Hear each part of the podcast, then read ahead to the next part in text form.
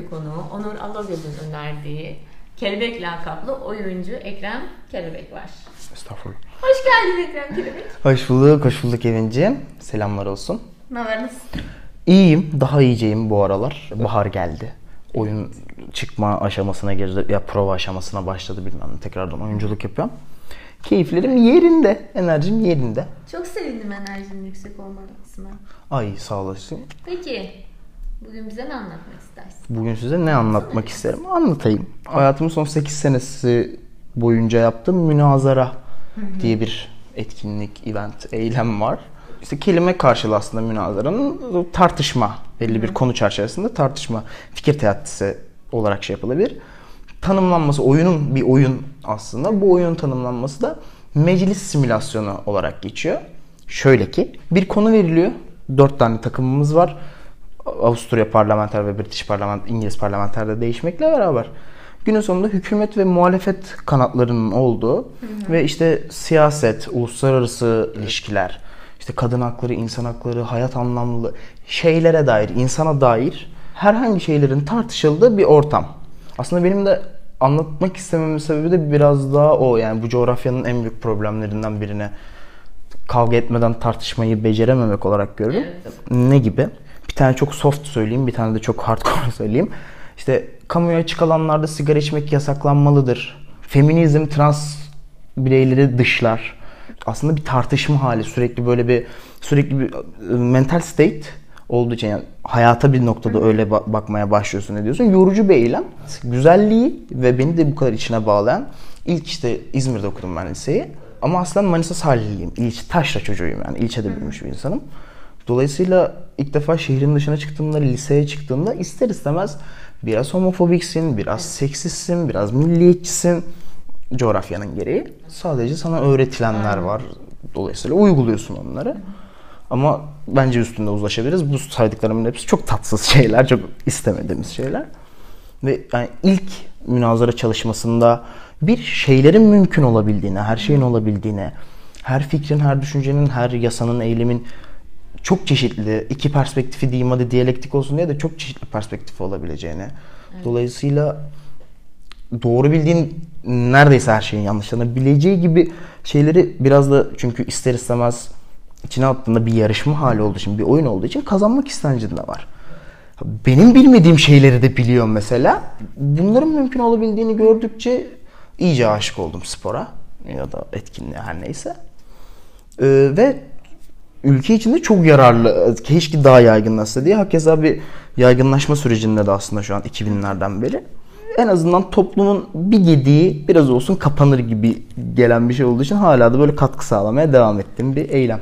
Peki insanlar buna nasıl başvuracak, başvurmak istese? Hmm. Şöyle ki öncelikle ya e, bence hala yapabilir. Katılabiliyor? Bence hala yapabilirsiniz ama işte 25 bugüne kadar hiç karşınıza çıkmamışsa ve 25 yani üniversite hayatından da çıkmışsanız biraz işte çalışma alanı, çalışma yapabileceğiniz, çalışmalara dair olabileceğiniz e, yer sayısı kısıtlı. Open turnuvalar var, IV turnuvalar var. Aynı turnuva, IV turnuvalara sadece kulüple beraber katılabiliyorsun. Dolayısıyla bir kulüp üyesi olman lazım. Ama open turnuvalara ben annemi de alıp gidebilirim. Ne kadar başarılı oluruz? Annemin yırtıcılığı ve inadı belki bir şeyleri sağlar. Aklıma geldi yeri gelmişken söyleyeyim. 4. 5. sınıf çocuğum. İlk kez evrim teorisini duymuşum ve bu beni çok etkilemiş. Anne dedim çok mantıklı. İnsanlar aslında maymundan gelmiş olabilir dedim. Bir hafta konuşmadı benimle. Ya niye ki? Ama sorsan neden küstüğünü bilmiyor. Sadece bunun yanlış olduğunu bilip küsüyor falan. Evet. Münazara öğrendikçe onlara da sirayet etti şeyim. Onların da bazı bias, e, ön yargılarına, öğrenilmişliklerini kırma yan, başaramadıklarım oldu, benim acı çektiklerim oldu ama Ya tartışma biçimleri en azından değiştirmişsindir yani. Aslında farklı bir yönü de olabileceğini göstermiş olabilir. biraz biraz bazı şeylerde veya işte babamla didişmeler arasında önceden çekilen ben sen şunu dinlemediğin için yani falan filan diye aile terapistliğine soyundum falan da oluyor. Şeyi bölmeden bitireyim nasıl yapabilirler diye. Evet. Çoğu üniversitede kulüp var şu an. Eğer lise öğrencisiyseniz çoğu lisede var. İşte çeşitli şirketler var. Ee, Benim de içerisinde bulunduğum da var. Ee, Mesela diyelim lise münazarada kulübünüz yok ve bunun olması gerektiğini düşünüyorsunuz. Onlarla iletişime geçip biraz araştırıp ulaşabileceğiniz şeyler ama ekseriyetle lise kulüpleri, lise münazara turnuvaları, üniversite kulüpleri, üniversite münazara turnuvaları şeklinde devam ediyor.